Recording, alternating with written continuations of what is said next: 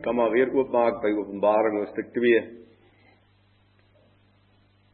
En ek lees maar weer daardie gedeelte dat ons weer verband kry. Openbaring 2 vanaf vers 8 en skryf aan die engel van die gemeente in Smyrna, dit sê die eerste en die laaste wat dood was en lewend geword het. Ek ken jou werke en verdrukking en armoede, maar jy is ryk. En die lastering van die wat sê dat hulle Judeërs is en dit nie is nie, maar 'n sinagoge van die Satan. Vir ons kinders die woord sinagoge sal ons nou vertaal in ons tyd met kerk. In die kerk van die Satan. Vrees vir niks wat jy sal ly nie. Kyk, die duiwel gaan sommige van julle op in die gevangenis werp sodat julle op die proef gestel kan word. En julle sal 10 dae lank verdrukking hê. Wees getrou tot die dood toe en ek sal jou die kroon van die lewe gee. Wie oor het laat hom hoor wat die Gees aan die gemeente sê. Die wat oorwin sal deur die tweede dood geen skade ly nie. Nou ons het vanoggend, dis dan nou die tweede aflewering, maar na 2 dan het ons daar gesluit waar ons gelet het op die Edomite en nou wil ek vanaand net so 'n bietjie verder daarop aangaan dat ons net mooi kan sien hoe dat hulle geopenbaar word hierdie magtige vyand van die godsvolk op aarde hoe dat hulle geopenbaar word in hulle geweld teen God se volk. Matteus 21 vers 38 en 39 lees ons: Maar toe die landbouers die seun sien, het hulle onder mekaar gesê dit is die erfgenaam. Kom laat ons hom doodmaak en sy erfdeel in besit neem. En hulle het hom geneem en buitekant die wingerd uitgewerp en doodgemaak. In hierdie gelykenis wys Yeshua daarop wat sal gebeur. Hierdie sogenaamde leiers van die kerk van daardie tyd wat het hulle gemaak? Wie was hulle?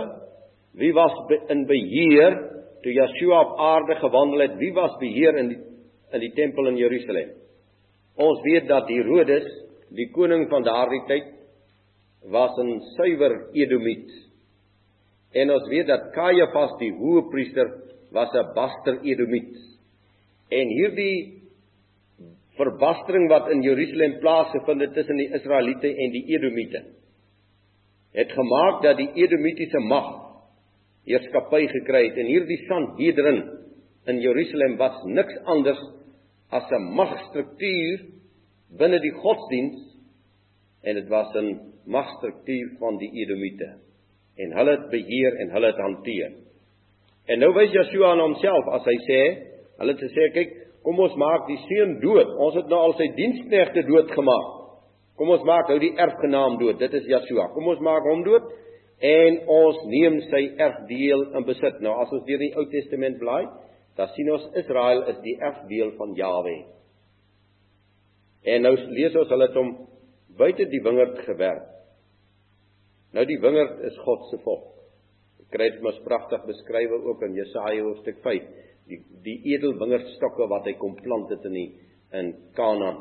En nou het hom buitekant die wingerd gewerp en hom doodgemaak en sy erfdeel in besit geneem. En nou blaai dit net weer terug na Esegiel 35 wat ons vanmôre net so ook deur gegaan het. En dan kyk ons weer daarna. Dat u die haat en die woede van Satan deur sy geslag op hierdie aarde kan gewaar word. Want dit is wat die wêreld nie verstaan nie of die gelowige wêreld nie verstaan nie en daarom uh is ons in die situasie waarin ons is. Hier waar ons dan sien hoe dat Jawe braak uitoefen op hierdie Edomite, hoe dat hy dit sal doen. Ek lees weer vers 12 van Esegiel 35 En jy sal weet dat ek Jawe is. Al jou lasterlike woorde gehoor het wat jy teen die berge van Israel gespreek het deur te sê hulle lê woes, hulle is aan ons gegee tot spys. So het julle dan jul groot gehou teen my met julle mond en julle woorde teen my opgehoop. Ek het dit gehoor.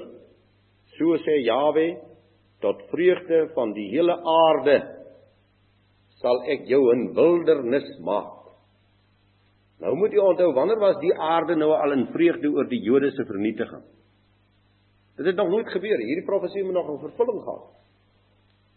So sê Jawe tot vreugde van die hele aarde sal ek jou 'n wildernis maak. Nou ek sal vir u sê as die Illuminati mag vanaand vernietig kan word, gaan dit tot 'n vreugde van die aarde wees, want dan sal reg en geregtigheid herstel word op hierdie aarde. Soos jy vrolik was oor die erfdeel van die huis van Israel omdat dit verwoes is, so sal ek met jou maak. Jy sal in wildernis word, o Berseer, en die hele Edom almal saam en hulle sal weet dat ek Jawe is. So dis baie duidelik dat hierdie groot mag vanaand op aarde, hierdie geldmag wat alles vanaand beheer. Wat so magtig is dat ons weet dat Rockefeller in Amerika se bank het 'n verlengstuk in Rusland. En deur hierdie kommunistiese tye van Rusland is dit Rockefeller wat al die wapentuig laat vervaardig in Rusland. Een enkele persoon op in in Amerika. Die Amerikaanse staat, die grootste blanke staat ter wêreld, kan nie die rente betaal wat hulle vir Rockefeller skuld nie. Ek was nog in Windhoek predikant toe daar 'n man van Stellenbosch, 'n geleerde man, een aand in 'n rapportreierskorps toe gespreek het waar ek teenwoordig was. En dit het hy gesê hy het gaan sit en het 'n sommetjie gemaak van hoeveel skuld die Amerikaanse staat vir Rockefeller. Hy sê as jy dollarnote vat en jy pak hulle in groot treintrokke, sal jy 70 treintrokke vol dollarnote pak. Dit is wat die Amerikaanse staat aan een man skuld. Vanaand is dit al baie meer kry net 'n beeld van hierdie geweldige edomitiese mag op aarde. Die wat Paulus noem in Efesiërs 6 ons worstelstryd is teen die owerhede, teen die magte, teen die wêreldheersers van die duisternis van hierdie eeu en saam met hulle teen die bose geeste van die lig. Want hulle word geïnspireer deur hulle vader, die duiwel. Ons bly ook daar na Matteus hoofstuk 12 vanaf vers 33. As Yeshua onder hulle staan en hy praat, dan sê hy hierdie eh, hierdie interessante woord en mooi luister waar staan. Julle moet of die boom goed maak en sy vrugte goed, of julle moet die boom sleg maak en sy vrugte sleg. Want aan die vrugte word die boom geken. Adder geslag, hoe kan julle goeie dinge praat terwyl julle sleg is? want uit die oorvloed van die hart praat die mond. Die goeie mens bring uit die goeie skat van sy hart goeie dinge te voorskyn en die slegte mens bring uit die slegte skat slegte dinge te voorskyn. Maar ek sê vir julle dat van elke ydelle woord wat die mense praat, daarvan moet hulle rekenskap gee in die oordeelsdag.